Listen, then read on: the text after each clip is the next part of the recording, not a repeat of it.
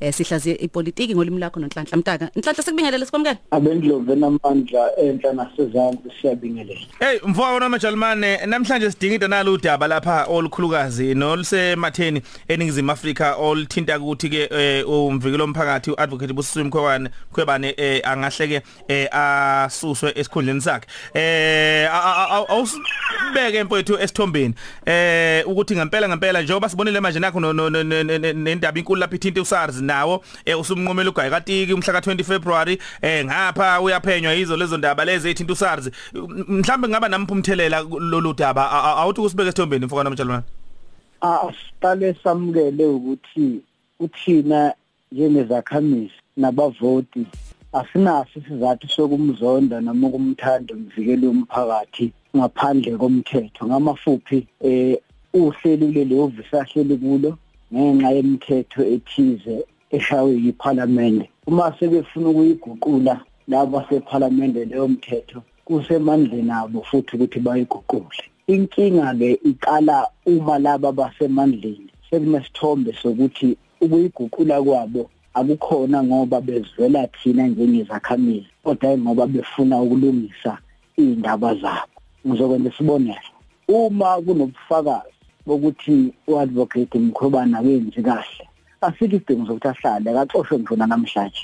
Kodwa uma kuye kwavela ukuthi ujijimezwa nje njengoba sebemshishimeza ngelimabhaqa ingoba wanyakazisa isidleke semnyovu mhla evula udaba likamongameli kuyoba kubike lokho ngoba kuyosho ukuthi noma imuphi umengameli noma yiliphi iqembu elibusayo liyothi nganomuzwa nje othize? Hayi ngaye kuphela ngoba kufanele sikulungise. Lo mthetho abawuguqulayo eParliament eh awukhulumi ngomkhobane kuphela. Ukhuluma ngenhlaka lezi ezibizwa ukuthi ama chapter 9 institution futhi no IEC no Human Rights Commission njalo njalo.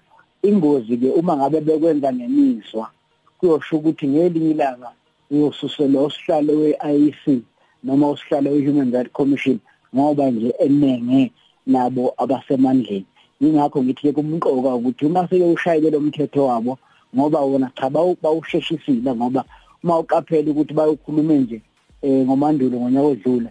Eh sekuyaba njalo ngomasingana sebethi hayi sekunjalo. Into engajwayelekileyo ngoba bahlale benweka isikhathi bethi abanasikhathi kuningi umsebenzi kodwa le ethinta lokhu bayisheshise kakhulu okwenza abanye abantu bathi hayi eh benzela nje ukuthi eh bakwazi ukuthi basebenze umuntu abangavumelani naye. Isithombe esibike leso yike ngithi into okufuneka bayenze kusuka namuhla uqinisekisa thina abasebenzi Afrika ukuthi akukhona ukuthi ingoba semandleni bazama nje ukubangula iva eselibona ukuthi lihlabe umengameli wezwe. okuRamaphosa Kuyezwakala mfethu uma ngabe sibheka la engathi no speaker uThandi Modise usethe wavumelana nesiphakamiso seDA sokuthi ke lelu daba luhlale kabazi lapha ke eParliament ethindini fanele asuswe umkhwebane uma ngabe sibheka la mntaka ususwa kamkhwebane ikuphi mhlambe singakulindele emva kwalokho? Eh uma mhlambe engasuswa futhi esikhundleni sakhe singalindelana kukabili njengoba usomlomo uyena namandla ukuthathathi indaba efake eParliament lezi zexoxwe yonke amalungu eParliament. Kuyilungelo lakhe ukuthi akwenze lokho. Kuyilungelo lakhe futhi ukuthi avumelane neqembu eliphikisayo uma ngabe elikwenzile likwenze lilandela imithetho. Ngamafuphi ngizama ukuthi lento yabe indaba ukuthi hayi usevumelene neDA cha iDA nayo inelungelo lokuphakamisa naye abona ukuthi kuyahambisana nemithetho.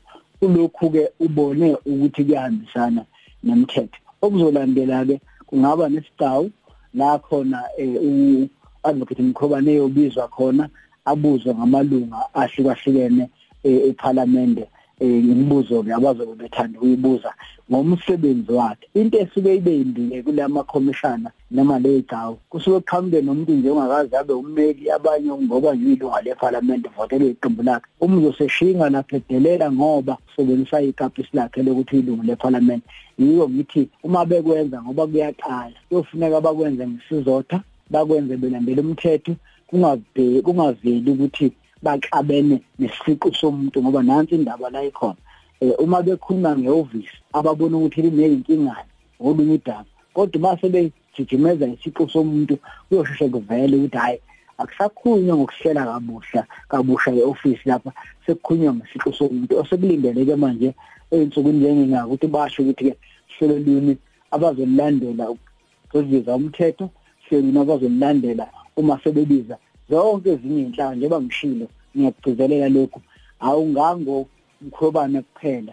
Kukhulunywa ngawo wonke ama-chapter 9 institution kodwa iqiniso lithi okwamanje la obekusabonakala kulongqabuzana khona ukuthinta wazibukhethe mkhobane ngone siyabonga kakhulu mfowethu. Sikufisela usuku oluhle. Eh nangomsombuluko uzayo sobe sinawe futhi. Siyabonga.